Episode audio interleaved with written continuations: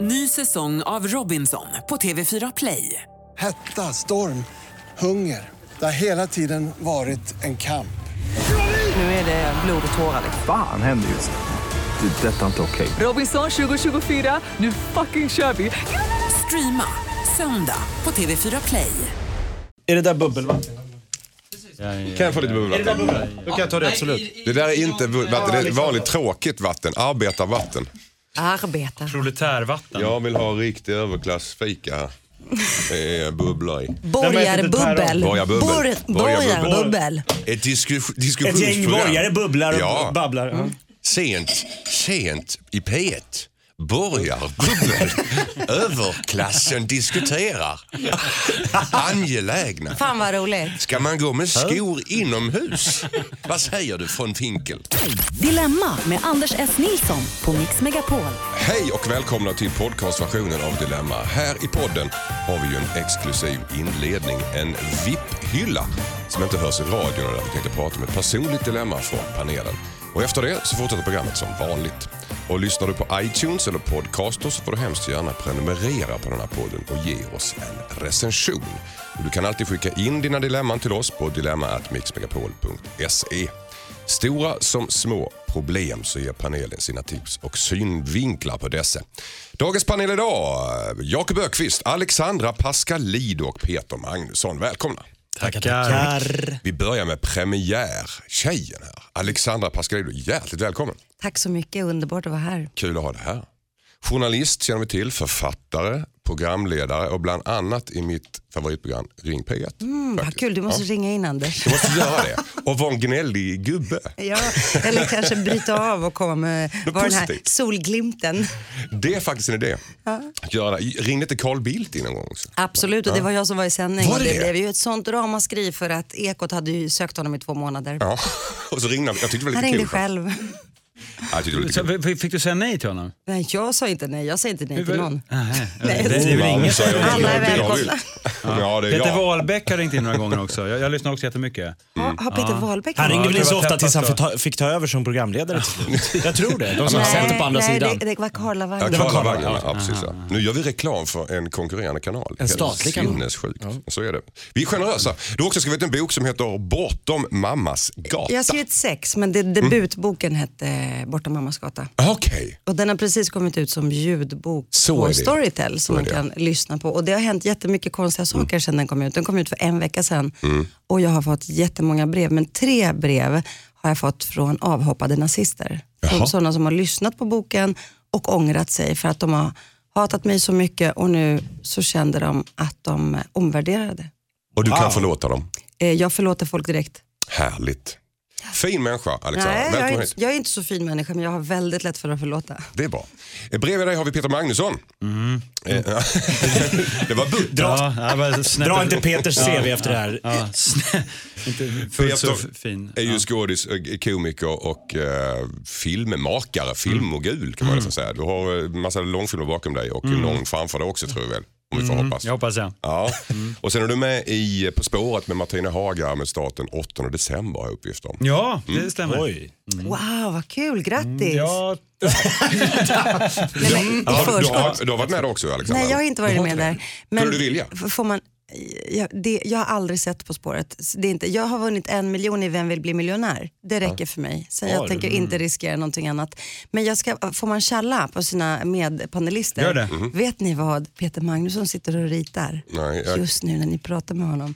Apropå filmkarriär. SFI, Okej. Svenska Filminstitutet. Varför Peter? Varför? Nej, men det är svenska för, för invandrare. Svenska för invandrare. Svenska för invandrare. Det är det han... Är det jag Ja, det är det första jag tänker på när jag säger dig. Freudianskt. Jag borde alltså gå på svenska för invandrare. Du har inte förstått ett ord vad Alexandra säger. Jo, nej, men jag tänker så här. eh, vet du att på riktigt min mamma var eh, lärare på SFI? Jo, på sju- 70-talet. eh, ja. Vad heter hon? Lotta Magnusson. Och, och hon var inte min lärare eller? Nej. Det vet jag inte. Gick du på som? SFI? Nej, jag gick i en grekisk hemspråksklass och, så, och, och, och så hade vi en, en, en fröken som hette Inga-Lisa som kom två, dagar, eh, två timmar i veckan och skulle lära oss svenska. Det var inte, mamma är inte så stark i grekiska tror jag. Eh, Nej, men, men två timmar i veckan försökte de lära oss svenska och då kom det in lite svenska fröknar. Ja, det gjorde det. Ja, vi får försöka prata så att du förstår Alexandra idag. Ja. Det är jättebra. Jag uppskattar att ni artikulerar. Det känns som att Alexandra och Peter har tagit över den här sändningen. Vi har också Ja. Jakob Ökvist som är tystare än någonsin. Nej, jag sitter och häpnas över, jag har inte släppt Alexandras eh, CV än. Nej. Nämn inte mitt, det kommer blekna. Ja, hennes CV är ju, man kan skriva på en, det är längre Ja, ja, än en indisk meny. Alltså. Det är ju, Hinner hon med allt? Jag gjorde teater också grabbar, det har ni missat. Men ja, ja, jag får väl överleva det. Skriv Nej. på Wikipedia. Nej men hörni, när, det är, när ni hör många titlar så ska ni bara veta att det enda det handlar om det är att man inte får de jobb man helst vill ha. Och då måste man vara flexibel. Man hoppar runt. Jag kan Ja. relatera till det. Man tar med allt. Jakob Ökvist, du är inte utan, det är inte utan att du har gjort saker som är betydande. Du är ju också komiker, du är ju, har ju en podd tillsammans med Seja Hallberg som heter Freakshow. Jajamensan. Och så är du programledare, För en morgonshow här, eh, här säger jag, absolut inte här, på Rockklassiker. Morgonrock. Ja. Mm. Okej, nog om er. Eh, nu ska vi gå till eh, Alexandra. Nu ska vi prata om Så vi mig. går från er till Alexandra, bara riktar in oss på henne. För att du har nämligen ett dilemma som du har gått och ruvat på. Berätta. Ja, gud alltså. Jag satt tillsammans med en eh, farbror på, ett, eh, på en gammal arbetsplats. Han satt mitt emot mig. Han var alltid så gullig och bjöd på komplimanger när jag kom på morgonen. Han var så åh vad snygg du är idag. Ja, tack, tack sa jag och kvittrade glatt. Tills vi insåg att han satt och porrsurfade hela dagarna och han satt ju precis mitt emot mig. Wow. Okej. En då- konflikt i huvudet på dig där. Nej men alltså det uppstod en viss ko- konflikt onekligen. Var det ett öppet kontorslandskap? Ja, det var ett öppet kontorslandskap. Jag hade glade honom- Åke sitter där. Jag hade precis glad. honom Snygg du är mitt emot mig. Men kanske därför han var glad. Ja, men, och, och, och, och, eh, mina eh, arbetskamrater gav, eh, satte en liten spegel bakom hans rygg. Så att de, de Det är skulle, ju det första man kollar när man börjar porr för att det inte är någonting bakom. ja, han gjorde då Är det? det. Så de fick det bekräftat flera gånger. Och sen så har han också när han har varit borta så har jag då gått förbi hans skärm och sett ja, det jag inte borde se. Men mitt dilemma handlar då om att jag, jag uppskattar den här människan på riktigt. Jag tycker om honom. Och eh, jag eh, känner mig faktiskt som en liten feg, ryggradslös liten lort. För jag har aldrig konfronterat honom med detta. Men okej. Mm, vad, du? men borde jag? Så att mitt dilemma Ska är du så konfrontera honom eller inte? Ja, Peter, Ja, nej, men jag, hon- jag undrar, så, vad är det du ska konfrontera? Eh, Jag tänker så här, att för det första, ja, det känns ju lite ofräscht om någon eh, porrsurfar medan man har ett samtal lite grann. Det kan jag tänka man kan separera de två företeelserna. Men annars tänker jag så här, ja, det, alltså så här, det, är, det är inte särskilt fräscht att sitta och porrsurfa på jobbet. mitt emot en direkt. Nej, det är, det är inget mysigt. Men vad är liksom, jag tänker att om han, eh, jag tänker att det här är två olika saker lite grann. Eh, Tänker du att porrsurfingen har med dig att göra? Nej, absolut inte. Eh, nej, nej, absolut. Var det grekiska nej, porrsajter eller? Nej, men det, nej det, det var det nog inte. Nej. Eh, Jag har inte en aning om vad det var. Men mitt problem är följande. Sitta där på arbetstid. Mm. Ni vet, det är inte så himla fräscht när man har en mittemot. Och, Nej, och det är lite märkligt också. Du sa att, han, att du såg det efteråt, att han kan lämna skärmen öppen sådär. Med Ja, någon... men skärmen är oftast vänd liksom mot hans lilla hörn. Han sitter i ett hörn. Så tanken är väl inte att man, man passerar inte F- riktigt. Får man fråga där utan att bli för privat, det var ett öppet kontor- kontorslandskap? Ja, gud ja. Det är klart att någon borde väl ta ett snack med honom om det Ingen här med har- vad man prioriterar på jobbet, vad man gör på sin fritid. Det är väl det. Men det handlar inte riktigt om prioriteringar heller för jag tror han får sitt arbete gjort. Det handlar snarare om att man borde säga så här, du, det kanske inte är så fräscht. Och jag skäms lite för att jag brukar vara en sån här som säger så här, oh, oh, någon har pruttat.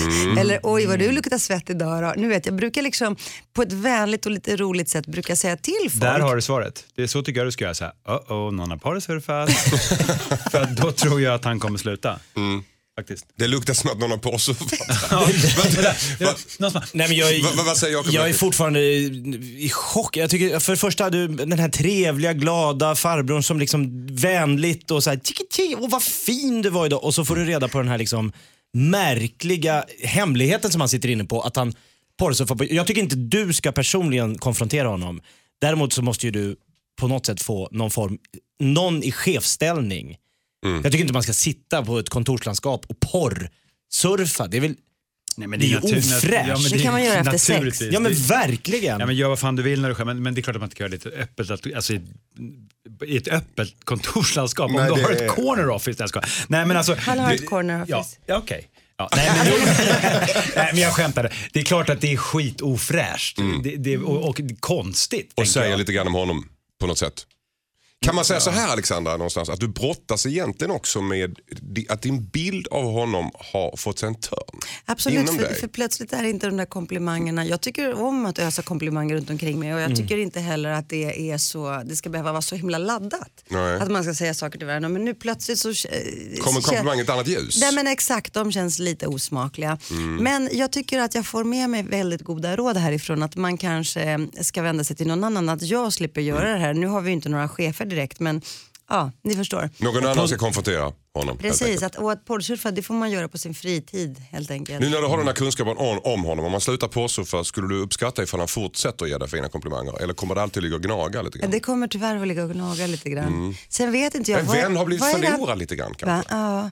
Men Sätta jag upp någon lapp i köket, det gemensamma personalpentryt där, vän av ordning. Eh, borta bra men hemma bäst. Mm. Alltså någonting som får honom att förstå att vi vet, men vi kommer inte säga något. Men bara så att du vet så har det liksom kommit fram Mm. att det är, går inte att sitta in spärrar på yrkesdatorer eller? En, ett ett porrsurfarlås menar ja, sån här barnsäker lås eller vad det heter. Gubbsäker. Ja, det finns ju det, finns ju det. Safari, så för, så barnsäkerhetsgrejer Ja, finns det Men ju. gubbslemsäkert. Ja. nu, nu jobbar ju inte vi tillsammans längre, det var ganska länge sedan vi jobbade ihop men, men jag träffar honom då och då. Men han är ju också en uttalad feminist. Du Så ser. det känns ju också så här, ni vet, lite eh, motsägelsefullt. Jag tror att Jag- om han lyssnar på det här poddavsnittet så, ah, nu kommer han lägga ner den här skiten. Det tror jag också. Mm. I'm busted. Och det är ju just därför jag tar upp det i just det här programmet för det här är en av hans favoritstationer. jag svär. Du behöver ringa in honom. Han gillar Mix Megapol alltså. Mm. Men jag, jag, tycker man, jag tycker faktiskt att man, man kan säga så här, du, Harry, heter han Harry? Nej, absolut inte. Nej, Harry, vi säger att han heter Harry. Harry, inte så fräscht. Nej. Bara, och peka på datorn. Och sen bara går man vidare. Då kommer han, jag tänker att Harry. då han Harry. inte göra det. Ja, Ta bort händerna från tangenterna. lite Ja. så. Tack så jättemycket Mm. eh, för era råd. Tack för att du delgav oss detta Alexandra. Nu fortsätter programmet som vanligt. Hejsan Dilemmapanelen. På min arbetsplats jobbar 20 personer i åldern 40 till 60 år. Vi har så kallade diskveckor där det bland annat ingår att plocka ur diskmaskinen, fylla på bönor i kaffemaskinen och vattna blommorna. De flesta blommor är kvarlämnade av folk som slutat. Det är alltifrån gamla trötta orkidéer till fula kaktusar. Tyvärr får jag inte kasta dessa ohyggligt fula blomster för vissa äldre kvinnliga medarbetare då tycker att det är fint med färg i fönstret. Trots att färgerna är olika nyanser av brunt och halvdött. Hur tar jag död på dessa växter utan att det kan kopplas till mig så jag slipper vattna skräpet, undrar Frans. Som eh, ja, inte lämnar några fingeravtryck och så vidare på de här. Hur gör han Peter? Om, om vi nu ska utgå från att det är det som är målet, att de verkligen ska döda växterna, eh, så är ju det ett svar. Ett annat svar kan ju vara att försöka ta den här diskussionen på en lite djupare nivå då på något måndagsmöte eller så. Annars, eh, ja, jag har inte så stor erfarenhet av det här, men det finns väl något eh, gift, gift måste- alltså kanske klorin eller så, som man kan hälla ner. Det gissar jag skulle effektivt ta död på Upplösa, så att säga, grödorna. lösa upp blommorna Ja, eller eh, Kanske- över, övervattna. Det har jag gjort själv. För de är redan döda säger han. De är redan döda, helt Typ döda. halvdöda, bruna. Ja, men då kan han, s- s- ja men då, har- då får man ju kasta dem, det är äckligt, då börjar de ju ruttna. Då kommer det dra till sig flugor och sådär. Men det får tanterna emot sig.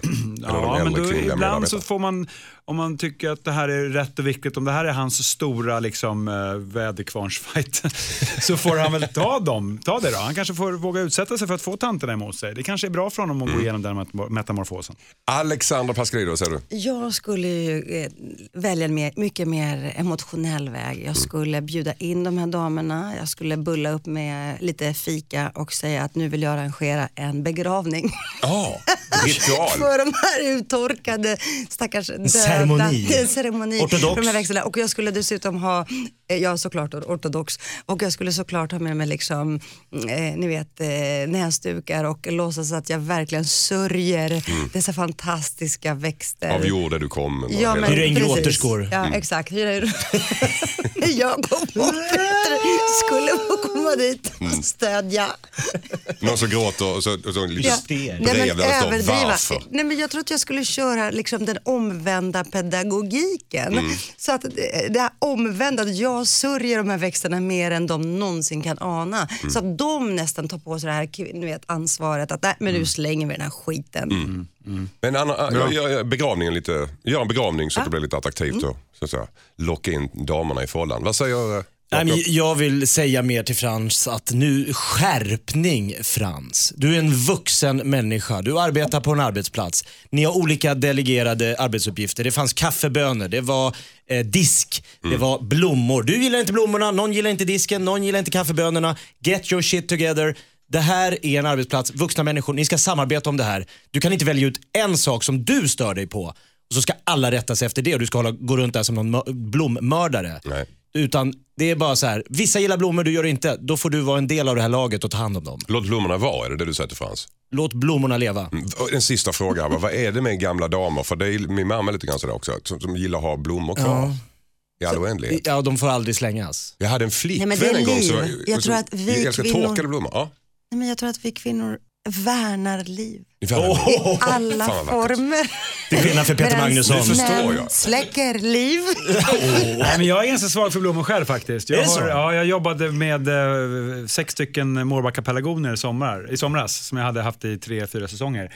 Men i år så ville de inte. Jag kämpade med dem hela sommaren, eh, men de ville inte. Och så att jag Är tänkte... det en omskrivning för din redaktion? Eller? Nej, nej, nej. nej så att till, till slut så insåg jag att de kommer inte klara säsong 2018. det är ingen idé. Så jag slängde faktiskt dem rätt nyligen. Och det var, det var Det var ett farväl. Det känns. Nej, men det- ja, lite. Jag tycker det är tråkigt. Det är tråkigt att köpa nya, det kan man göra. Men, men man, det, är- det är något med när de kommer tillbaka år efter år. va? Så att det där med värna livet, Alexandra, det gäller även vissa män. Okej. Tack så mycket. Fantastiskt. Hejsan Dilemmapanelen, jag heter Johan. Jag är 20 år och har en ny flickvän sedan en månad. Hon varnade mig för att en av hennes, för en, var en av hennes kompisar. Tydligen så brukar hennes kompis ringa upp nya pojkvänner och hota dem. Något i stil med att om jag sårar min flickvän så kommer jag få med hennes kompis att göra. Jag skrattade och trodde att min flickvän skämtade, skämtade men det var tydligen seriöst. Jag vill visa att jag tycker kompisens hot är larvigt och att jag inte kommer anpassa mina handlingar efter hennes hot. Fast det är kanske dumt att hamna på en dålig sida med hennes hotfulla kompis direkt. Hur ska jag bemöta hennes överbeskyddande kompis när hon kommer varna mig? Undrar Johan. Vad säger Alexandra? Oj. Nej, men Johan, snälla Johan, gör din fiende till din bästa vän. Mycket, mycket enkelt. Omfamna denna kvinna som då uttrycker sig hotfullt. Förmodligen för att hon värnar sin väninna eller kanske har väninnan blivit bränd tidigare av något svin. Vad vet jag. Så jag skulle ju se till att lägga allt krut, all energi på att bli bästis med den här kvinnan. Kanske inte för mycket krut så att man blir kär eller så att det kanske Vad gör du ikväll? precis. Visa att Men ni förstår, precis där på gränsen, balansera. Okej. Så jag skulle bjuda ut båda två hela tiden på massa roliga hysseupptåg och äventyr och känna att hon är inkluderad och att hon får förtroende för mig. Mm. Och sen kommer hon släppa garden. Det kommer hon göra. Ja, garanterat. Du, gulla med henne lite grann i början. Vad säger Jakob Öqvist? Ja, jag kan hålla med Alexandra i vissa partier här, men jag- jag är ju också lite allergisk mot det här med kollektiv bestraffning. Bara för att den här väninnan då vet att tidigare killar till hennes eh, tjejkompisar som Johan dejtar har betett sig som svin så kan ju inte hon liksom förutsätta då att samtliga eh, män som den här eh, kompisen träffar är exakt lika vidriga kopior som alla hennes tidigare. Och ringa och skälla ut honom i, i liksom förebyggande syfte så han ska ta skit i förskott. Men det är också svårt som hon säger, eller som Alexandra är inne på, att liksom så här, det är ingen idé att bli ovän med henne heller för då kommer du få en eh, fiende för livet. Så ta det där samtalet, lyssna på vad hon säger och säg du behöver inte oroa dig, det här kommer aldrig hända. Men, men du kan ändå vara så här lite stå upp lite för dig själv och säga att du, du behöver inte oroa dig i mitt fall. Men en liten smekmånad Men det kanske det Alexander händer, säger. men samtidigt så kanske det händer. Alltså det har faktiskt hänt mig att jag varit tillsammans med någon kille, alla varnade honom för mig, att jag skulle bränna honom och jag brände honom. Du gjorde det? Du var det för dig Så ja. tvärtom. Men det kan, kan inte Alla varnade för mig. Men Jag det är kommer en hon kommer bränna dig. Men hon kommer lämna dig, hon kommer lämna dig när hon tröttnar, hon tröttnar så fort. Men är inte det din prov provokativa order att när du blir liksom en själv, självuppfyllande profetia? Att när de sa det, att hon kommer och tänkte vi ska fan göra det också. Ja, jag vet inte, jag vet inte kanske. Vad säger Peter Åh. Magnusson? Eh, jag är med på Jakobs sida. Alltså, jag, jag säger fan, säg, Vad gör sa du? Är ing- du på Jakobs sida sa du det? Ja, men det här med... Det, Akta det, dig. Inte, inte gulla med henne Nej, första nej, nej, nej, men jag tycker det, nej, jag, jag gullar inte med någon här. Jag, nej, men jag, tycker att det var, jag tycker att det är lite manipulerande. Jag skulle inte kunna liksom så här, låtsas bli vän med någon för ett syfte. Jag kan inte det. Jag vill inte. Eh, Jag säger så här, bry dig inte. Om han nu är en schysst person så kommer det komma fram. Liksom. Mm. Och så får hon eh, upptäcka det själv. Jag menar inte att man behöver manipulera, jag menar att om man älskar en människa så vill man väldigt gärna komma nära den personens vänner också. Ja, jag har aldrig riktigt... För sannolikt har den personen ett gott omdöme och omger sig av- bra människor. Inte alltid Ja, så. Om man inte är en intrigmakerska som gillar det här spelet och gillar att så lite här, Jag menar, hon mm, hjälper kanske ju inte sin kompis, hon hjälper inte sin kompis med hennes, med, med hennes relation när de håller på så här. Hon gör det ju omöjligt för henne att träffa någon. Jag kan köpa om det är någon kompis som säger till min flickvän så här, eh, som säger till mig om, om vårt förhållande med min, min flickvän att titta mig i ögonen och säga att gör du en illa, då jävlar får du mig göra. Och sen är det klart. Då har hon sagt det en gång, men om man håller på sådär hela tiden, bara så du vet det, bara så du vet det, bara så du vet det, bara så du vet det. Då fattar lackar man väl till slut. Ja exakt, då lackar man väl till slut. Det låter som någon svärfar som tar med en ut på punschverandan första gången man träffar honom. Gör du min dotter en jävla som. Visa jaktgeväret och såna grejer. Nej men, det är nej, men på riktigt Nej. är det patetiskt. Framförallt så visar det att hon inte heller har förtroende för sin kompis. Att inte hennes Precis. kompis kan klara av Ja. hantera en relation själv. Vem är hon? Vilket förkläde har hon? Liksom? Ja, så att, Ja, no-brainer. Jag, Jakob och Alexandra har vänt. Tack för att du tog över rollen som programledare. Underbart, mer sånt. Hejsan Dilemmapanelen. Vår son kommer att bli väldigt lång. Cirka 215 centimeter. Han är 15 år och nästan 2 meter redan. Han mår dåligt över sin längd. Han vill gärna göra en operation för att stoppa tillväxten men vi är väldigt kluvna. Läkaren säger att det inte finns några medicinska fördelar och ser helst att han blir tillfreds med sin längd. Men samtidigt säger han att de kan stoppa längden om det finns en stark önskan hos patienten som han uttrycker det. Många 15-åringar är ju missnöjda med hur de ser ut ändå.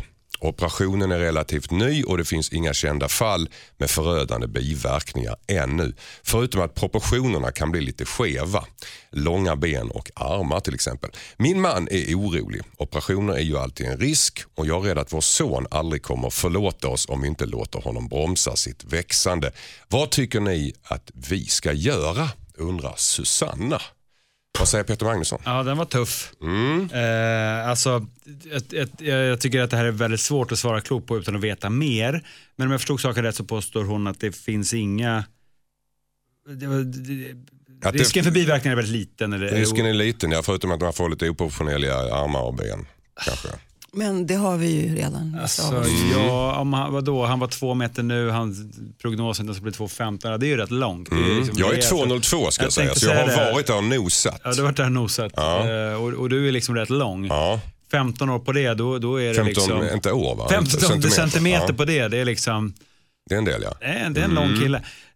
Ja, men jag tänker nog att, ja, ja om, det, kan, det kanske är väl bra då, om han känner så Det starkt. kan ju vara tufft att växa upp i en, i en miljö när man är liksom 15, 16, 14, 15, 16 och var extremt mycket längre än alla andra. Ja, men jag var oavsett- ju v- mycket längre än alla Ja. andra och det var ju, hade ju Man sticker ut, så såklart. säga. Va, verkligen, och Ja, men- barn är, är grymma. Alltså, men så fort det är någon som man- avviker så, så Direkt Brinner det ja. där uppe och sådär. Ja, det ska man vara rödhårig. ta tag att vänja sig men det gör man. Det ett tag. Men vad, vad Ä- säger Jakob? Även om att just vara längre än alla andra, man Mm. tänker sig att det är ett sånt övertag, att det måste vara så skönt på något sätt att ha både den utsikten. Se ner på folk. Nej men, nej, men ni förstår vad jag menar. Men det var alltså Man vill ju aldrig sticka att- ut. Man vill ju aldrig sticka ut Nej, i men den det, det, åldern. det spelar ingen om det är att man är lång Nej. eller kort eller tjock eller smal. Nej. Vad det är att man, man har någonting som är annorlunda än alla andra. kan det är gå på. svårt. Problemet är att man kan aldrig man välja att vara anonym när man är lång. Alltså, man kan aldrig välja att försöka smälta in. Idag så känner jag bara för att vara liksom en i mängden. Det kan man inte välja om man är Ja, det kan inte vi heller, för väldigt vi är kändisar. Ja, precis. Och sen lär man sig ganska snabbt också att man blir objektifierad hela tiden. All, all, Alla har rätt och Den där långa. Man, ja, den där långa. Hur lång är du? Du är alldeles för lång. Spelar du basket? Oj vad lång du var. Hela Det är helt okej går. att fråga Ja, allt. Liksom, det, är all, det- är alltid väldigt okej just det. att kommentera personers utseende som är långa. Nej, men jag tycker hon ska låta sin son göra den här Mm. operationen. Det var inga kända biverkningar och stannar han då på 2,02 eller vad han var nu, 2,00 så är det en ganska markant skillnad från 2,15. För två meter, det är rätt många som är där. Mm. Ja, det är det. Men 2,15 det är, en, det är en bit till liksom. Och, Det är inte så Och jag farligt tror med att- 2,15 heller egentligen. Alltså, Nej men det, samtidigt så är det väl så här, jag tänker mig vardagen, jag tänker mig det praktiska, ergonomiska. Sova, sitta Nej, men på SAS-plan. I, i ett, på, exakt, flygplan, i en bil, allt detta. Och i Mm. Tell me about it. Jag, nej, men precis, jag som är 1,60 vet ju inte riktigt, kan inte relatera till någonting av detta. Men jag, det som jag, gjorde stort intryck på mig när du läste brevet, Mm. det var att hon sa, min son kommer aldrig förlåta mig. nej. Mm. Och då menar jag så här, det vill man inte leva med. Att ens barn aldrig kommer kunna förlåta Nej, en. fast det viktiga är inte det. Det viktiga är ju vad är bäst för honom. Tänker jag. hon kommer inte komma Inte vad som är förlåt. bäst för henne. Mm, Det bästa för honom är väl att, eh, att, att vara Kanske, men då tänker jag att då är ju det för att eh, Ja precis, men, då är det ju bäst för att hon gör den bedömningen att det är bäst. Men inte för att hon Ja, det är klart ska att bli hon, förlåten. hon För att tänker det- kanske att han i framtiden säger, fan vad tur att jag inte gjorde den operationen, vad bra Ja, att men, ni men inte... vem vet, vem vet? Jag bara ville Han- det då, nu är det hur fine som helst.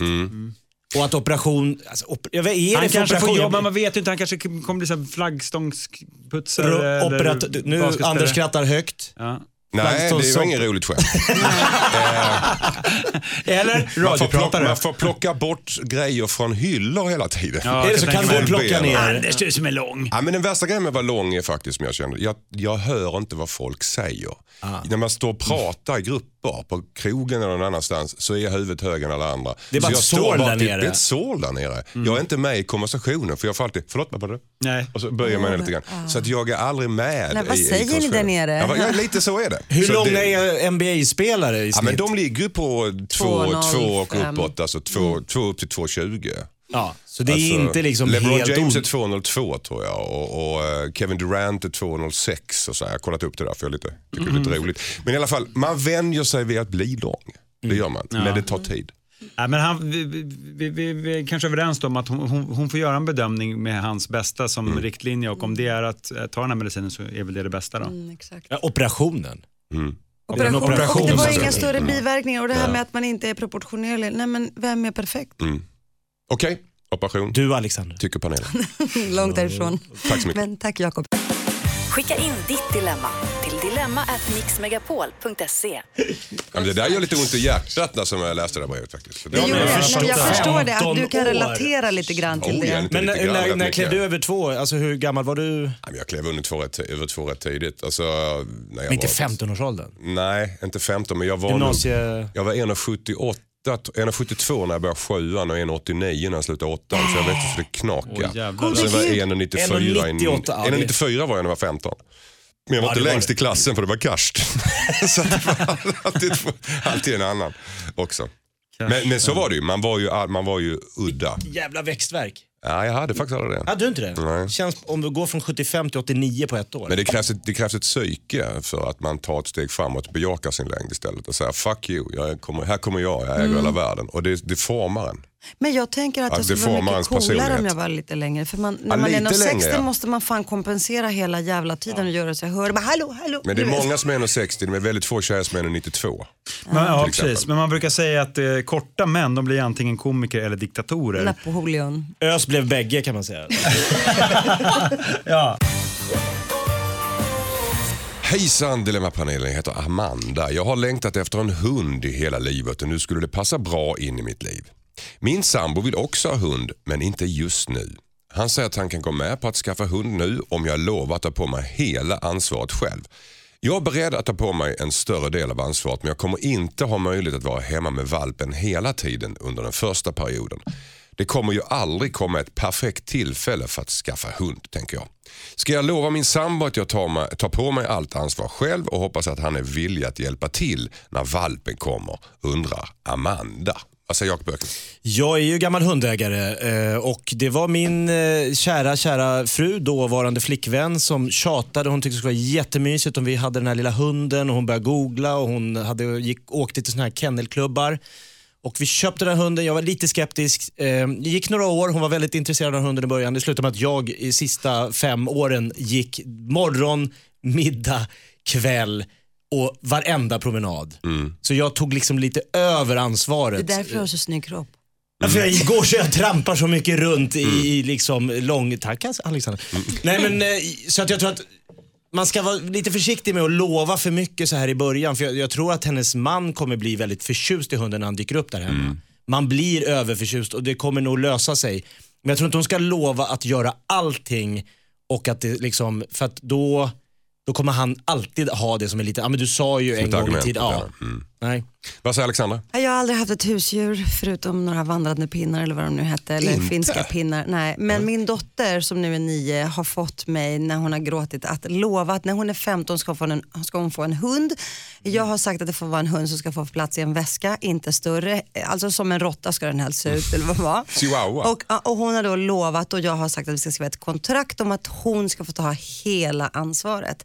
Så jag är obeveklig när det gäller detta, även om jag vet att jag kommer smälta. Men jag har faktiskt vänner som har gjort på ett liknande sätt när det gäller ett barn. Hon ville ha barn, han ville inte ha barn. Mm. Han skrev ett kontrakt att han inte skulle vara pappaledig. Eh, nu kan man tycka eh, allt möjligt om detta, men eh, ja, och när bebisen Han ville kom, ha det svart på vitt. Liksom. Ja, han ville faktiskt ha det svart på vitt och när bebisen kom blev han ju lite svag och lite blöd, blödig och tyckte den var lite gullig. Men det är ändå hon som har tagit det största ansvaret eftersom hon ville det. Så att jag menar att eh, ja, man ska nog inte räkna med den som inte är så intresserad av att ha en hund. Och se det som positivt när de verkligen blir det. För att det är, även om man är emot husdjur så är de rätt gulliga. När de Eller hur? De är Ja. precis och ser det som en bonus. Vad säger Peter Magnusson här? Ja, jag, jag kan bara egentligen hålla med. För Är du en husdjurskille Peter? Nej, jag har haft, vi hade katt och så när jag var liten. Jag tycker om hundar, jag har haft mycket hundar runt mig. eh, Men aldrig köpt den själv eller? Nej, nej, min eh, mamma har nu på äldre dagar precis skaffat hund och eh, min styvfar och den, det är en sån här hund, den tror att den är en känguru. För att det blir missförstånd där. den, den hoppar Ja, alltså, den- tre meter hela tiden rakt upp i luften vilket kan vara en lite, det skapar en viss anspänning. Hur stor är den? Är den Grand Danois eller? Ja, du får inte ner den i en väska, sådana hundar har man ingen respekt för. Nej, det är någon slags lurvig historia, jag glömmer allt vad den heter, men en sån här gläfsande känguruhund typ. Gläfsande känguru. och den är jätte- Tibetansk känguruhund. Ja, typ. Ja. Den skäller inte, det är bra, men uh, den är jättefin. Men alltså, tyvärr, jag, blir så jag blir så stressad. va. Jag har haft en annan hund i närheten här nu, av andra skäl, någon sån här gammal, gammal hund som, som, med något ben och som går runt och liksom sådär, ja. Ja, det, jag vet inte. Och Det är så- inte din grej, Nej, den alltså. slickar på mig och sådär. Nej, fast jag tycker, fast någonstans så känner jag Han så gillar ju dig. jag inser någonstans, ja det, han gör ju det precis. Men jag känner någonstans att jag vet ju att det skulle vara så bra för mig. Lite grann som att man skiter i att träna ibland, fast man vet ju att det är bra för mig. Och jag tror att, jag skulle, att det skulle vara kanske eh, Guds gåva till mig om jag skaffade hund. Varför Liksom. då? Få ett stort ansvar. Därför jag tror, ja, men jag, jag har ju barn gubevars, men, men, men det är ett visst ansvar. Det står mellan barn och hund? Ja, exakt. Nej, men att, att, att eh, det här med den här påtvingade extra motionen utöver det man gör, en, en, en närhet, en, en enkel kärlek och sådär. Men jag vet inte. ja, Men det är det ju. Sen är Nu det låter det det som det är Peter som ska skaffa hundar. Det är ju... ja, men sen så säger Han folk... och har övertygat sig själv på något vänster. Jag ringer en kennelklubb Ja, idag. Peter har kommit in i ett självsväng.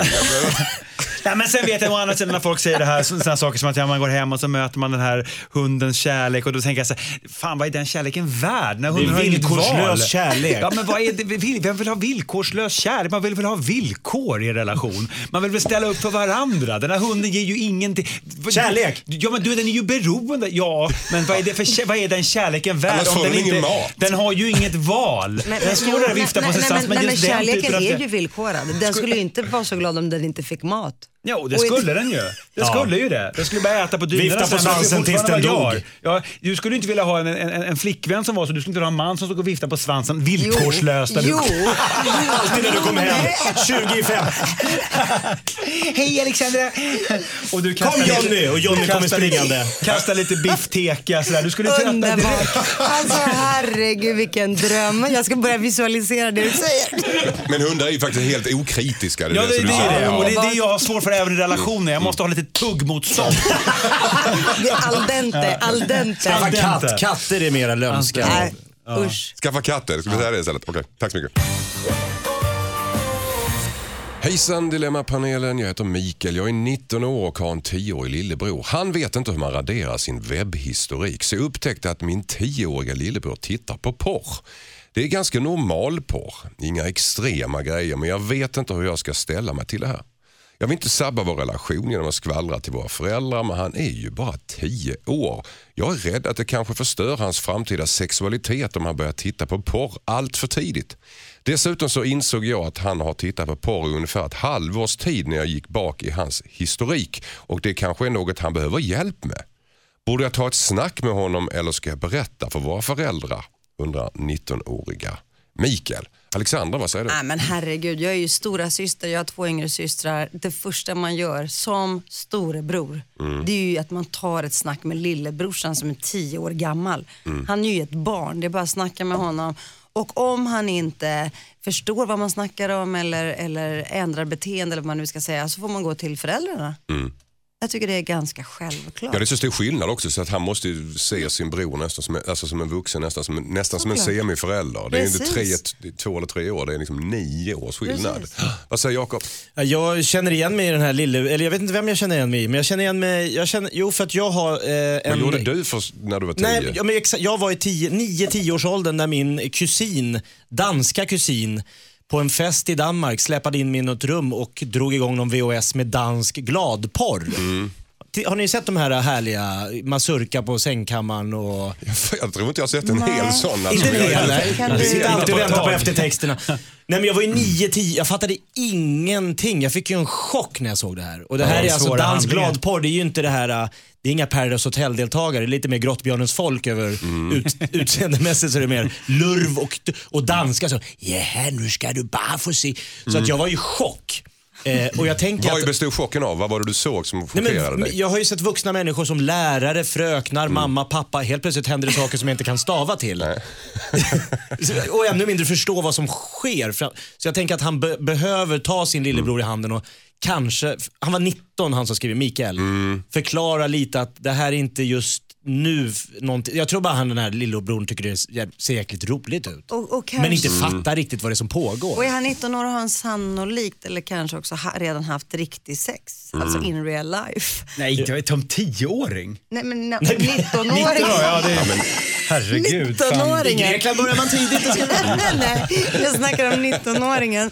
Och då kanske han kan berätta för sin lillebrorsa att det finns en viss diskrepans, det finns en viss skillnad mellan det man ser på porrfilmer exakt, precis och som det som händer i, och- i verkligheten. Mm. Vad säger Peter Magnusson? Nej, men jag, jag, jag vet inte, jag, jag, det, det, saker flyttas ner i åldrarna och sådär och jag har hört sådana här problem äh, av andra så här, med småsyskon och, och barn framförallt. Kanske nu då, så jag, tycker att, jag tycker att det är huvudlöst. Han- En tioåring ska inte titta på porr. Jag, jag, tror, jag tror faktiskt inte att det är något fräscht och bra av massa olika anledningar. Och naturligtvis, han är 19, han känner någon slags ansvar här som skriver det här brevet. Och jag tror att hans rädsla för att skvallra för föräldrarna borde vara mindre illa än att han låter det släppas. För att en han säger han tittar på normal porr, ja okej men eh, ja, om man tittar på normal porr som tioåring, den dagen han är 42. Alltså allvarligt talat. Ja, men jag minns ju själv när jag var liten, det, fan, det fanns ju liksom inte, det var ju på, Nej, men vi har inte haft det problemet Nej, riktigt. nej, det var va? på någon Vi porrtidning hade i dansk skogen. tv hemma, det var Ja. det enda som hände, någon tysk film de visade en gång. Du? Ja men precis, ja, men, nej, men, och, och, och man ramlade över någon sån där tidning någon gång när man var 13 det var ju svinspännande såklart. Men för det första, jag tror att jag faktiskt ändå var, äl- jag, kanske, jag minns inte, men jag, jag, eller jag var äldre, jag, jag har ett starkt minne av att i Alvik, eh, nära där jag bodde, nej men där fanns det under min tid när jag var kanske 10-12, en, en sån här eh, vad heter det, en, en vending machine. Mm. Eh, alltså en, eh, vad heter det, maskin. Där Som kö- man tittar in i. Nej, nej, alltså där du kunde du, Köpa du, du, la i en porrtidning. femma Mm. och så fick du ut en p-blaska bredvid, bredvid Jaha. Esso som det hette på den tiden. Och det, det det var liksom inte så länge sedan. Hade nog inte accepterats idag. Det här är kanske 80, 1987 liksom.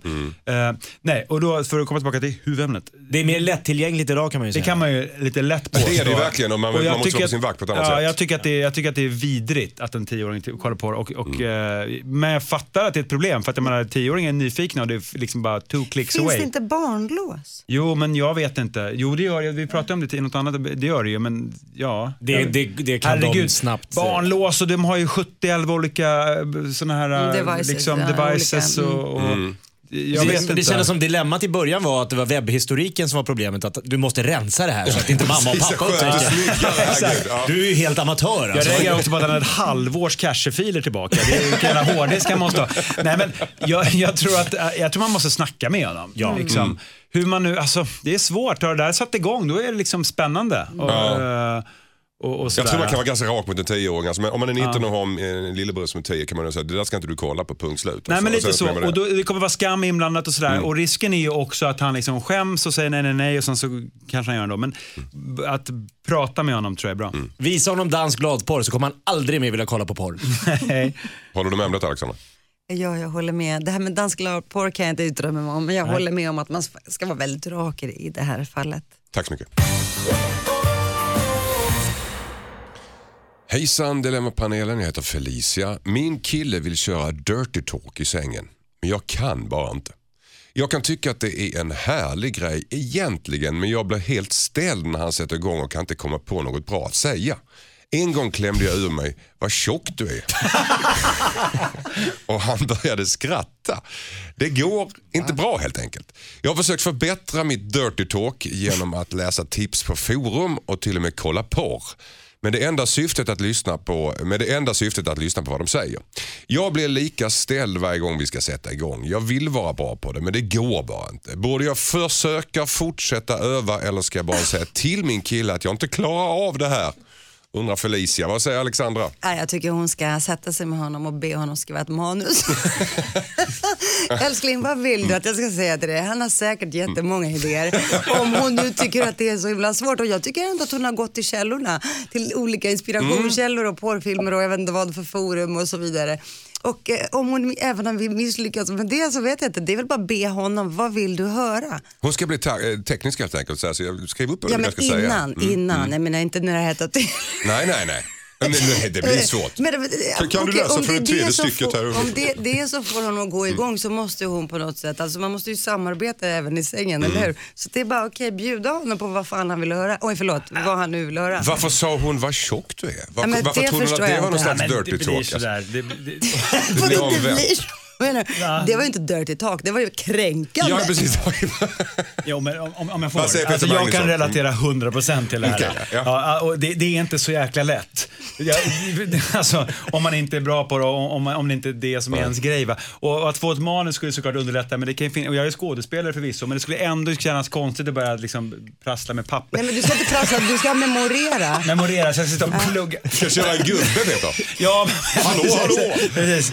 kommer Det, en Du kan inte rulla fram eh, pergamentet Nej, men jag har varit med om det här och, och, och, och jag, jag, det, det, det ligger inte bra i min mun. Va? Och då blir det Vad?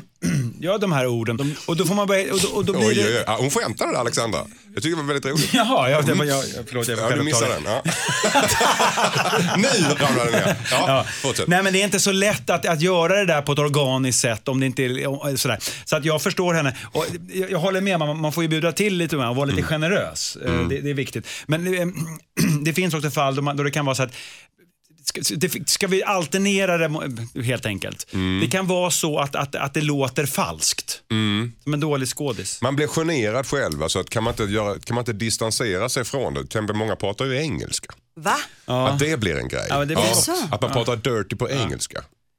Ja. Vad säger Jakob Öqvist? Nej, men jag, jag är lite allergisk mot Alexandras förslag på skrivet manus. Eh, Mm. För jag tänker mig att hennes pojkvän skulle, så här, då ska han komma på snuskiga ord som hon ska säga Jo, om det- tillbaks till honom. Om det är han som ber om det. Jo men det, det blir så Det ska oerhört ospontant. Alexander.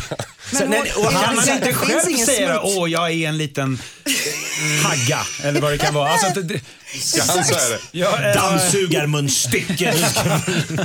Vi, Jo, men ska om vi han- torka av. Om han säger att det tillfredsställer mig, eh, det, det liksom eh, tänder mig, då måste han ju veta vad han vill höra. Jo men för sen när hon börjar säga saker så börjar han, vänta skrev jag så? Vad är det du, alltså Mm. då börjar han liksom recensera hennes manus. Du låter inte engagerad, du låter inte som du tycker det här. Det här sen- säger du bara för att jag har skrivit det. Ja, för du skrev ju det. nej, men man blir ju... Omöjlig... Okej, så hur ska det här paret finna Det vet Peter Magnusson. ja, det finns så mycket olika roliga, mysiga saker man kan hitta på tillsammans. till exempel? Ja, man Jag kan inte komma på något. Man kan gå en promenad, man kan... Det måste vara dirty, ja, men Det Alexander. kan ju inte jag säga, va? det är I'm not the man. Men, men alltså, det, det är väldigt svårt, alltså, man kan känna sig lite... lite, lite, li, det, det, man kan känna sig lite... Men vadå, har någon bett dig vara dirty i sängen Peter och du har inte hittat orden? Du har liksom famlat? I, ja. Han nickar. Han nickar. Pe- Peter Och, man, så här, nickar och det är frenetiskt. jättesvårt att liksom pressa sig till Ja. något som man är Men helt jag, kan obekväm i. men jag kan säga så här, jag har ju då ett annat modersmål också, grekiska. Det är mycket lättare att vara dirty på grekiska. För Okej. Det finns ett Är sånt det det? enormt utbud av liksom, hårda, Ge oss ett grova, exempel. Ge, ge vulgära, oss ett litet brutala. eh, soundbite där. Rhodos. Tzatziki. Mykonos! Klitoros. Papandropoulos. Ni ser, ni gick igång. Grekiska det här. Jag tror man måste ta oss 92 här nu. Det, blev en enda sexorgie plötsligt i hela studion. Var det inte orgie uppe? Fanns inte de i Grekland? Nej. Medan de, de svenska Rog. orden kan faktiskt göra mig lite generad också. Men jag menar att så Här här, kommer- samtidigt, det finns, finns det någonting värre i sängen än en stum sexakt? Nej, det är hemskt. Man bara hör någon slags tung andning. Det låter som någon resår. En då bekräftelse på att man är där. Och det enda ljudet är... Det är som en Ingmar Bergman-film. Ja, usch. Två som stirrar varandra stint i ögonen. Karin. Karin. Är du kvar? Karin. Är du kvar? Du är så fumligt och aggressivt. Så att, men grekiska är försvaret. Ja, tack så mycket. Hejsan Dilemmapanelen, nu är det älgjakt igen. Min pappa älskar att jaga och tror att jag också älskar att jaga. Det gör jag inte. Häromdagen så ropade de på mig i komradion för att de hade sett en älg springa mot mitt område. Jag svarade att jag inte såg älgen och lät den springa förbi. jag orkar inte bry mig. Jag vet att min pappa skulle bli förkrossad om jag berättade sanningen för honom. Ni måste förstå att jakt är som en religion i min familj. Det är det enda som det pratas om på högtider och familjemiddagar. Min pappa blir fylld av lycka varje gång han har av sig och pratar om hur härligt vi ska få det på älgjakten. Det är inte så hemskt om vädret är fint, jag kan sitta och pyssla med annat ute i skogen. Sen har vi det ju trevligt när vi ses på lunchen och kvällarna. Det, det som däremot eh, jag känner är att jag lurar min pappa och att de andra i jaktlaget när jag låtsas vara delaktig. Borde jag säga något eller ska jag bara sitta kvar i skogen för pappas skull? Undrar Robin, smula uttråkad kanske. Vad säger Alexandra? Alltså, för det första måste jag be om ursäkt för att jag har, jag saknar all relation till jakt. Jag kan inte överhuvudtaget sätta mig Ja, in två, i säga. situationen att stå i en skog och vara tyst. det är liksom... Det är en stor utmaning för dig Ja, det, det, det, vore, så jag, det här är alltså en öppen inbjudan till alla lyssnare för Mix Megapol. Jag vill väldigt gärna följa med på en jakt. Du vill det? Ja, jag upplever det för jag ser det som den ultimata utmaningen för mig och mitt psyke.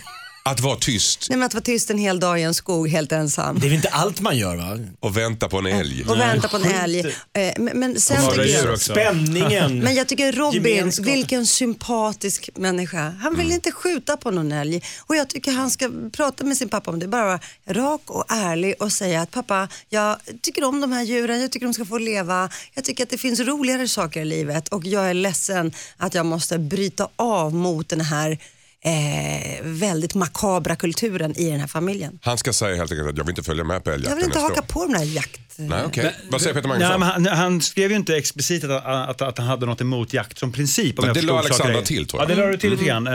eh, att han tyckte om Men uh, däremot, han skrev, älgen sprang förbi och jag bryr mig inte. Det Nej. jag var så roligt. Eh, nej, men jag tycker som du såklart att han måste få ju bara säga det, även om du tar emot, att jag, jag tycker inte det här är så roligt. Nej. Sen kan han ju följa med ändå om man vill det och ta, vad han sa, han pysslar med andra saker i skogen. Det kan han ju fortsätta göra med, men jag kan tänka mig att det blir konstig stämning i en sån där kultur. Det är lite inte hårt tryck också att man ska Säkert. sätta sig där och vänta på älgen och sen kom radion. Har du sett älgen? Och sen så ser han älgen och säger nej, ingen älg är jag inte. Jag, jag har ju eh, jägarex, heter det, jakt, jägarexamen som jag tog för några år sedan. Ja, men bara av nyfikenhet. Jag har aldrig skjutit något, så jag har varit med på det. Men jag har heller inte skjutit, för att jag tycker också att det verkar så... Varför jag tog, är- du, varför tog du det då? Nej, men för av nyfikenhet. Jag ville lära mig lite grann mer om skog och mark och sådär och om djuren och så. Jag tycker att jag älskar att vara i skogen. Jag är mycket i skogen, men, men jag kommer på att det, det går utmärkt utan att skjuta något. Men jag har inget principiellt emot jakt. plocka svamp också. Ja, det händer. Det händer så här. Men, så här. men man, jag förstår inte att man inte kan vara i skogen. Det är inte det vi ska prata om. Han måste naturligtvis säga till pappa, pappa här, Robin får säga till pappa att, vet du vad, vad kul att vi, vi, ni tycker skulle jaga. Jag gör inte det. Nej. Och hans pappa kommer säkert bli besviken, men det får han ta. Det går över. Jakob Öqvist. Nej, men jag, är lite, jag tänker lite här att Robin, eh, han påstår här att det är någon form av religion för den här familjen och kanske släkten och hela bygden. Man åker och jagar, det är liksom så det fungerar. Men jag tänker också, jag är ju skilsmässobarn och jag minns att när jag åkte på, till min mamma, jag bodde hos mamma på helgerna och pappa på vardagar. Och när jag åkte till mamma på helgerna så, så jag grät för jag tyckte så synd om min pappa som skulle vara utan mig hela helgen. Nu i vuxen ålder har jag förstått att han, har ju, han jublade och joddlade och julade inne i lägenheten så fort dörren hade stängts. Ja, med de där förbannade unga. Alltså, för att han hade ju oss måndag till fredag. Så att jag tror Robin, din pappa kommer klara sig bra i skogen utan dig. Han kanske till och med vill vara Till och med, han kanske jublar och joddlar och jular som min farsa gjorde i Barkarby. Men vad gulligt. Du grät alltså inte för att du var ledsen för att du saknade din pappa, utan du grät Jag tyckte synd om pappa. Jag är en empatisk människa du är, Jakob. Ja, men jag ty- tänkte att bli av med sina barn en hel helg. Det Eller måste vara tufft. narcissist. Ja, med mig. Tillskriver din egen betydelse så Du enormt ska mycket. leva utan mig. Alla tjejer har gjort slut med jag har gråtit för jag tycker synd om tjejen som blir av med mig. Du måste ju prata med någon Jakob. Du har Oj, extremt oj, oj, höga tankar om din egen. Eller Hur kan man klara sig? Nej men jag tänkte, pappa utan barn, vad ska han göra där? Jag fattar inte att han direkt Nej. Tog pendeltåget in och söp. Liksom. Nej. Okej. Om Jakob dör kommer han gråta floder Mm. för oss i Som- mänskligheten som är kvar och måste leva utan honom. Så Hur ska, hur ska jorden klara sig? Hur ska jorden klara sig utan Jakob? Och helt enkelt Robin, du ska prata med din pappa att du inte är intresserad och han kommer klara sig utan. Han kanske till och med tycker det är roligare. Kanske. Tack. Hejsan Dilemmapanelen. Min man är alkoholist men inte på ett sätt som skadar någon. Han dricker varje dag men blir aldrig mer än salongsberusad. Han jobbar hemifrån, kör aldrig bil och blir aldrig för full. Men han är lite överviktig och har högt blodtryck och jag är rädd att han kommer gå bort i förtid även om det inte är kritiskt ännu. Tar man upp hans alkoholintag med honom så blir han irriterad. Han tycker att han måste unna sig att kunna njuta lite och säger att han hoppar över fikabrödet istället. Men han börjar dricka vid lunch och sen går han runt lite småfull hela dagarna, varje dag, året om. Det känns inte kul att leva med en salongsberusad man men hade han varit mer full så hade det varit lättare att konfrontera honom. Ska jag låta honom fortsätta dricka i fred eller vad ska jag göra? Undrar Eva. Vad säger Peter Magnusson? Att han inte blir så full så han ramlar ihop gör ju inte att han är mindre alkoholist. Börjar man dricka vid lunch och dricker varje dag och jobbar hemma, det är ju liksom, det går ju inte. Det är ju ohållbart. eh, i- Mm. Det är väl ganska defini- alltså definitionen på en alkis att de blev aldrig riktigt Nej, jag skulle alltså. precis säga det. Det, det. det kan ju väl någon bli, kan väl folk bli också då. Men, men han är superalkoholist med alla mått skulle jag säga. Och eh, jag menar, det är klart Mm. Vad ska hon göra då? Ja, det är ju frågan. Vad gör man med en, om man bor med en alkoholist? Det finns väl många svar på. Men, men så här, konfrontera honom måste hon ju göra. För att, alltså, jag vet inte hur stort det här problemet är för henne. Att hon ens föreslår så här, eller ska jag låta honom dricka i fred? Nej, inte om inte hon vill ha det livet och bo med någon som är konsekvent berusad. Det skulle inte jag vilja göra. På ett sätt är det, det, det är ju sant det hon skriver, att hade han blivit sådär superpackad så hade det varit lättare att konfrontera. Men nu är det Kanske. så att det ligger, han är lite grann, det finns en hinna på något sätt mellan honom och henne hela men tiden. jag tänker att om jag var ihop med någon som bara en gång, eller om det är något speciellt tillfälle, men som har, som har varit full tre dagar i rad från lunch. Jag skulle inte tycka det, det skulle inte kännas så fräscht, tänker Nej. jag.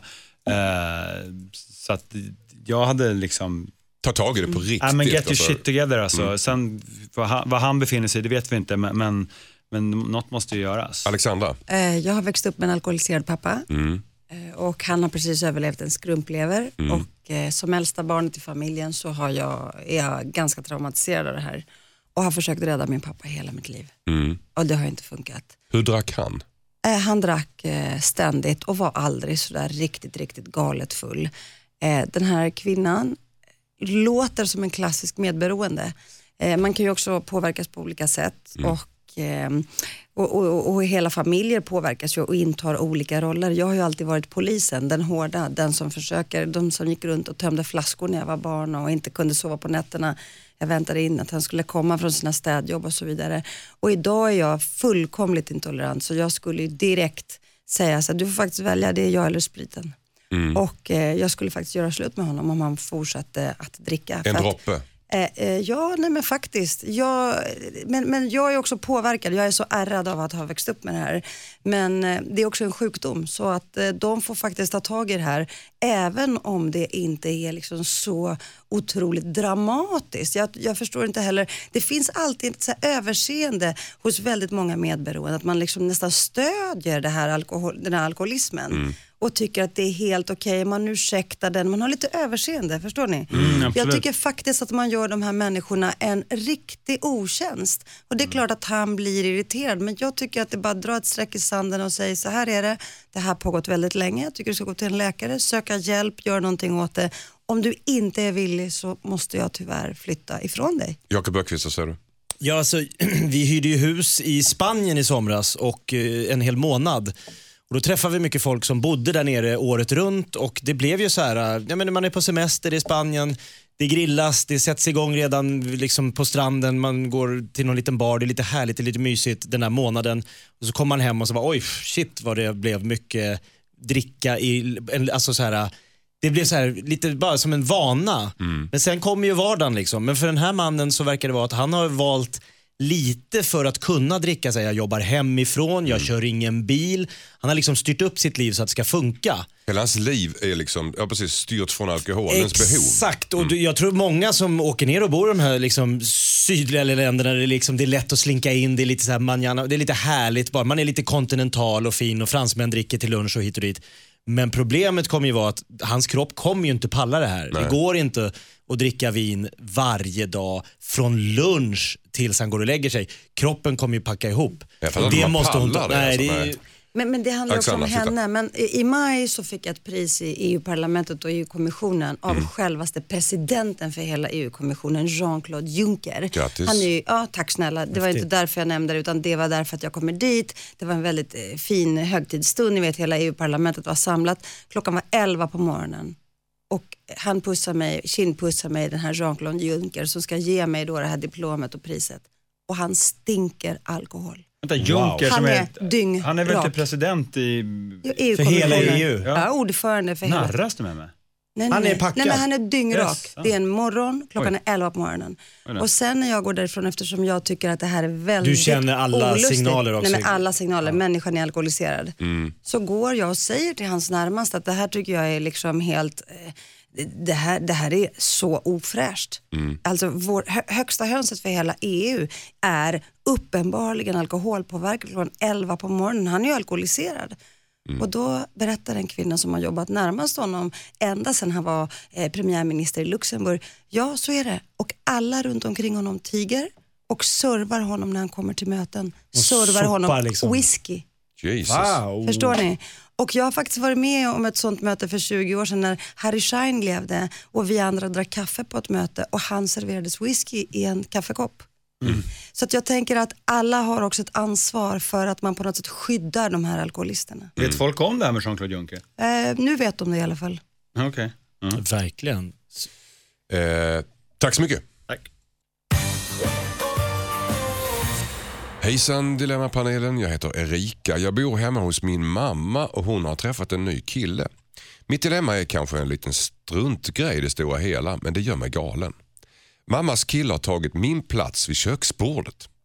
Han vaknar sjukt tidigt och går och sätter sig på min plats som är närmast kylskåpet. Där sitter han och läser nyheter på sin iPad och flinar när jag kommer in. Svin. Jag, jag har påpekat flera gånger att han sitter på min plats men han säger att jag kan sätta mig någon annanstans. Vilket gör att jag måste gå runt hela köksbordet och klämma in mig i hörnet. Om jag ska hämta något i kylen så måste jag gå runt hela köksbordet igen.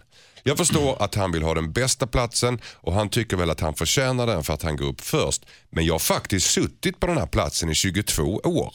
Eftersom vi inte kommer så bra överens annars heller så vet jag inte om jag orkar dra igång ytterligare ett bråk om det här just nu. Men jag börjar varje morgon med att bli irriterad. Vad ska jag göra undrar Erika. Ja. Ja det är Peter Magnusson, den här biter du tag i. Ja, Erika, till att börja med, flytta hemifrån.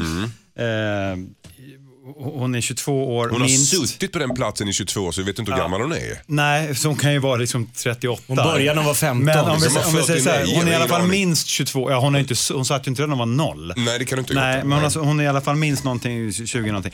Så att, eh, dags att ta tag i det själv kan jag säga. Det här kanske kan vara en förevändning för att, för, oj, tappa en penna här. För att, en, en förevändning för att sätta igång och försöka ta sig härifrån. Men med det sagt, det kan inte alla göra av olika skäl. De kanske bor i Stockholms innerstad och da, da, da. Men, Men- om, vi, om, vi, om vi nystar lite grann, har, har den här nya killen rätt att ta hennes plats? Jag skulle precis komma dit. Vet vi hur länge de har varit tillsammans?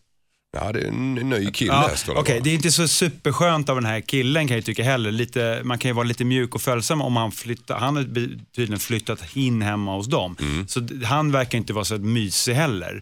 Eh, hur kan man, alltså, han får ju visa lite respekt för de som bor där också. Men uppenbarligen är han en, eh, en prutt. Och därför så tycker jag att hon ska se det som en utmaning. För att hur det än är och hur rätt eller fel han än har så är det liksom dags att eh, Flytta hemifrån. inse någonstans att, att, att det här, så här kommer det väl vara nu. Liksom. Alexander Pascalidou. Jag, jag blir först lite generad av Peter Magnussons dirty talk här. Men vad den här mannen är för något. Men jag tänker att i min värld så har den här flickan, 22 eller 38 år gammal, dottern, hon har första tjing på den här stolen. Det har ni. Jag tycker att det här är hennes hem. Jag tycker också att hennes mamma är den som ska sätta ner foten och bestämma vem har första tjing i det här. Pinigt alltså. Nej, men det, faktiskt. Men alltså, rätt, alltså, sin egen plats är viktig. Ja, men alltså att man har en plats, man har Hela sitt kan bli revir, man har sin trygghet. Vi vet inte liksom vad de har för relationer.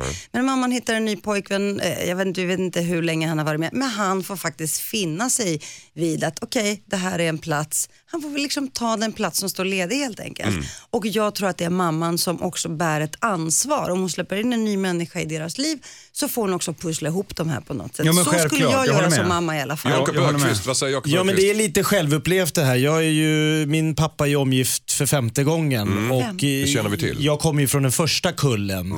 Eh, av barn som har dykt upp då i olika modegenrer. Och det Så du är lite så här stroppig för det då? Nej, det är första kulls... Första kullen, ja. Första våren. Nej, men jag, jag, jag, kan känna, jag kan tycka att så här, det kommer någon ny stjärna på Mm. himlen som min pappa hittar. Och det ska börjas ett nytt liv och det ska komma nya barn och det är gift och det är kärlek och hit och dit.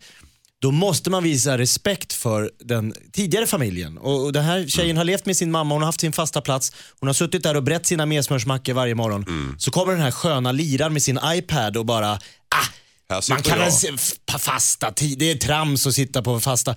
Men det får faktiskt morsan som har tagit in den här nya snubben, som Alexandra är inne på, hon måste markera. Mm, Nej, du får gärna liksom så här, men det här är lite som vi har jobbat tidigare. Det Mm. Och går sen- inte bara att bli hejkon bacon helt plötsligt. Och vad känner ni alla spontant för att man har varit suttit där 22, hon kanske är som sagt 38, hon kanske är Där som har ju Peter en 30. poäng att det kanske är dags. Ja, det, jag tycker inte det. Här har vi också en liten kulturskillnad. Mm, Jag, jag tycker att man kan bo hemma så mycket som möjligt, så länge som möjligt. Alltså, jag har en dotter. Jag kan säga att redan nu kan jag bäva för att hon ska få för sig någon så här svensk idé om att hon ska flytta hemifrån när hon hon är är 17. 18. Nej, jag håller med. Jag har en dotter också. Hon ska bo hemma till hon är 40. Det är liksom, ja, så att på det håller jag med. Men jag vet att många inte vill det. Men jag, min dotter kommer göra det. jag har redan marinerat och hjärntvättat min dotter och sagt så här, du ska plugga på ett universitet någon annanstans i världen, New York, Tokyo, var som helst. Mamma följer med, jag kommer ta hand om hela ditt liv, städa, laga mat.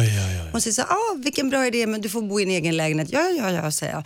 Så att jag menar, ni- vet, det där man behöver inte flytta hemifrån när man är 22 och som bostadssituationen ser ut i Stockholm, kom igen. Men man ska Ja, men se kanske så att dags det, att klippa navelsträngen och testa sina egna vingar. Alltså, Ja, och framförallt så att det inte blir en gisslansituation som Peter var lite grann inne på.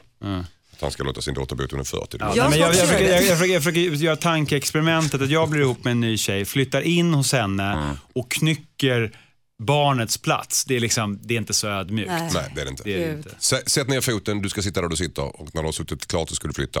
Tack. Ja. Hejsan Dilemmapanelen, min flickvän har för små kläder. Hon har gått upp i vikt och vägrar att köpa nya kläder. Istället så har hon börjat träna. Men det ger inte så mycket effekt. Vilket leder till att hennes extra kilon sticker ut i alla springor som uppstår mellan plaggen. Det är ju ganska känsligt att ta upp hennes vikt nu när hon precis gått upp. Men hon går runt och ser ut som en kassler. Jag har inget emot att hon har blivit lite större men det ser verkligen illa ut med kläder i helt fel storlek. Vad ska jag göra undrar en förtvivlad Dennis. Köp en kaftan. En kaff... Och du tror inte hon ser det som en pik då? Va? Nej men alltså jag skulle ju börja eh, lite diplomatiskt, I- inte för att det är min starka sida. Men ändå, vad skulle du säga då? Jag skulle säga älskling, du är fantastisk. Men jag undrar lite, liksom, är det inte lite väl kvävande det du har på dig? Det är inte så att det sitter åt lite mycket, förstår ni? Jag skulle bara ställa frågor. Fast du tror inte Öppna någonstans frågor. där att, Prata om att, eh, blodomlopp. Och... Mm, Frågor, nej men alltså samtidigt, vadå? Men om man Det är älskar- känsligt att att prata om också. Är det? Ja det är det väl. Om hon börjar träna och vill och det är kanske är ett bekymmer för henne så ska pojkvän säga Hon vill någonting. kanske inte heller Ja, då- kapitulera för vikten, så det är kanske därför som hon har kvar sina eh, gamla kläder, tänker jag. Vad säger Jakob Öqvist? Ja, men jag tror Peters flickvän har höga ambitioner. Hon eh, känner själv att det, att det sitter lite tajtare. Hon märker det, hon, är- det är ingen, hon är inte dum i huvudet. Men hon har bestämt sig att det, jag ska vända den här trenden. Det här ska sitta, den här, den här toppen som jag köpte för två år sedan, den kommer sitta som en smäck i sommar. Och jag tror om han Så börjar hon liksom... använder de här kläderna som en morot menar du? Ja, lite så att man liksom men den- nu, nu ja, men snart ska jag hitta idealvikten igen. Och eh, om han, be- om han verkligen så tror att det här är ett problem för henne, då kan väl han gå och köpa lite nya kläder och bara lägga på sängen och prova de här. Jag tittar lite, något stor, någon storlek större bara liksom. Men jag tror ju att hon har som ambition, hon har köpt träningskort nu, ska börja träna. Hon vill tillbaks till den här good old days. Vad säger Peter Magnusson? Jag tror att Jakobs mamma måste göra så att hon måste, att hon måste börja eh, kanske jobba på ett annat sätt med träningen till att börja med. Och där kan ju han, eh, kan du hjälpa till? Kanske köpa ett, eh, lite balj, baljväxter och någon knippe rädisor och sådär. Så att, sådär. För att lägga om kosten naturligtvis. Eh, och sen du, du också- tror att jag är Peter? Du, säkert. Nej, men och, och sen så då, eh, ja, men som du var inne på, också köpa lite nya kläder, vet inte jag vad hon gillar för kläder, men, men alltså kanske på, på, på, du ska inte nämna firmanamn men Hot Shop, Top och sådär. Det finns massa sajter nu ja, också. kan- Kanske fota av en kassler och visa för henne att, liksom, så tror hon att... Rings a bell. Ja, exakt. Lite så. Något, något, något Men annat. Fetshame alltså? Ja, till exempel. Nej, men, nej, men jag vet Men ni, ni inte. tassar ju Men kring hörni, det här. Alltså, men jag, tänk- Säga, hon vad tycker- 17, säga så här, vet du vad, det, det där ser kn- knasigt Ja, ut. det tycker han. Men, t- men tänk om hon känner sig vacker ändå. Ja. Förstår ni? Då måste man respektera det också. Hon kanske mår bra i detta. Hon kanske trivs och hon kanske tycker om sig själv. Alltså, det är också väldigt Ja, känsligt men hon ser ju ut som Miss Piggy. Det, är det, hon, det, det, det, om ingen annan tycker så blir hon till åtlöje. Mer Hon är- kvinna att älska Peter. Ja, och det man, inte se, man får vara hur fet man vill. Ja. Va? Men hon tränar ju för att gå ner i vikt. Hon vill ju Eh, nej, gå ner. men Hon vill ju alla gå ner i tränar vikt. inte för att gå... Nej, men hon, vill ju det. Okej, ja. och, och, och då tänker jag liksom, så att, inte liksom, så att, så att hon, hon blir till åtlöje. Mm. Okej, men jag tycker att de ska ta... Oj, nu, nu blev Peter väldigt upprörd. Men jag tycker Nej man, man ska diskutera här. Tycker du att du är vacker så här? Trivs du? Jag tänker si och så. Alltså, ja. men det är väldigt tassande mot sin partner. Jag tänker så här, trivs du själv? Ja, men för att hon, hon själv trivs. att Hon du- säga, jag tycker att Ja. det är jättefint när, man, när det sticker ut lite fett, eh, Mm. liksom klumpar här och Ja, där. men hon så- kan ju få kallbrand om hon liksom inte släpper fram. Det måste, blodet måste ju flöda fritt i kroppen. Om det, Mm. liksom, Men Anders tassandet, är inte det för att man är rädd att om jag liksom säger vad jag tycker, då kan jag få äta upp det resten av livet? Ja. Om han säger oj vad det sticker ut där. Ja, men det, det, att säga det här, vad tycker du själv, vad heter det, hur tänker du nu? Alltså, Men är inte det ursäkta, får att jag fråga, tycker ni alla alltid att era partners är jättesnygga? Alltså ärligt talat, det Nej, finns det ju inte jättemycket saker man kan anmärka på sina partners. Och man Jag gör det. ljuger ju. Då börjar man ett krig som... Nej, det- men förstår ni, om man ska börja anmärka på åh, lite gråa hårstrån, åh, lite hänger här, åh, lite rynkor. Alltså ursäkta, nej, ja, men det kommer ju aldrig ta slut. Nej, men det, självklart, men, det- men det är inte det. det. Det var ju att hon hade en, en, en plan här att, att gå ner i vikt. Ehm, Så det kommer från henne själv men. Mm, det kommer från henne. Eh, och hon har liksom lite knasiga kläder. Det hänger... Men det han- är samma gamla kläder som alltid, det är bara att just nu sitter de för tight. Jag tycker hon har ambitionen och Mm. det måste vi gratulera och uppmuntra helt enkelt. Och han ska inte påpeka mer. Och han ska Nej, köpa han nya får, kläder får liksom fetta på Fira sig. med Det- tårta, det, det, semlor. lägger jag mig inte i. Eh, Det var mer bara om man utgår från hennes vilja. Köp Köp, lite snygga kaftaner till henne. köp snygga kaftaner till henne tycker Alexandra. Och eh, ja, vad tyckte ni? Tassa, säg, säg det med fina ord. Eller Peter och... S- Säg det med rosor, ge henne lite uppmuntrande ord, uppmuntrande ord och köp en kaftan. Tack så mycket. Skicka in ditt dilemma till dilemma@mixmegapol.se. Tack så jättemycket för att eh, du kom hit idag Peter Magnusson. Tack så mycket Anders. Tack så mycket Alexandra Pascalido. Tusen tack för att jag fick komma hit. Och tack Jakob Ökvist. Tusen tack. Jag tycker vi ger Alexandra en premiärhelgsapplåd. Ja. Ja, det gör vi. gulliga. Tack Alexandra. Underbart att vara här. Tack. Och sen ska du mejla in dina dilemman till mig på dilemma@mixmegapol.se. Kom ihåg att du byter ut ditt namn så att du kan vara anonym. Nästa helg är vi tillbaka igen med nya dilemman. Då har vi bland annat Jessica Andersson, Farao Groth och Hollywoodfrun Gunilla Persson i panelen. Det blir grejer det. Vi hörs igen nästa helg och vi säger toodaloo! Hej då!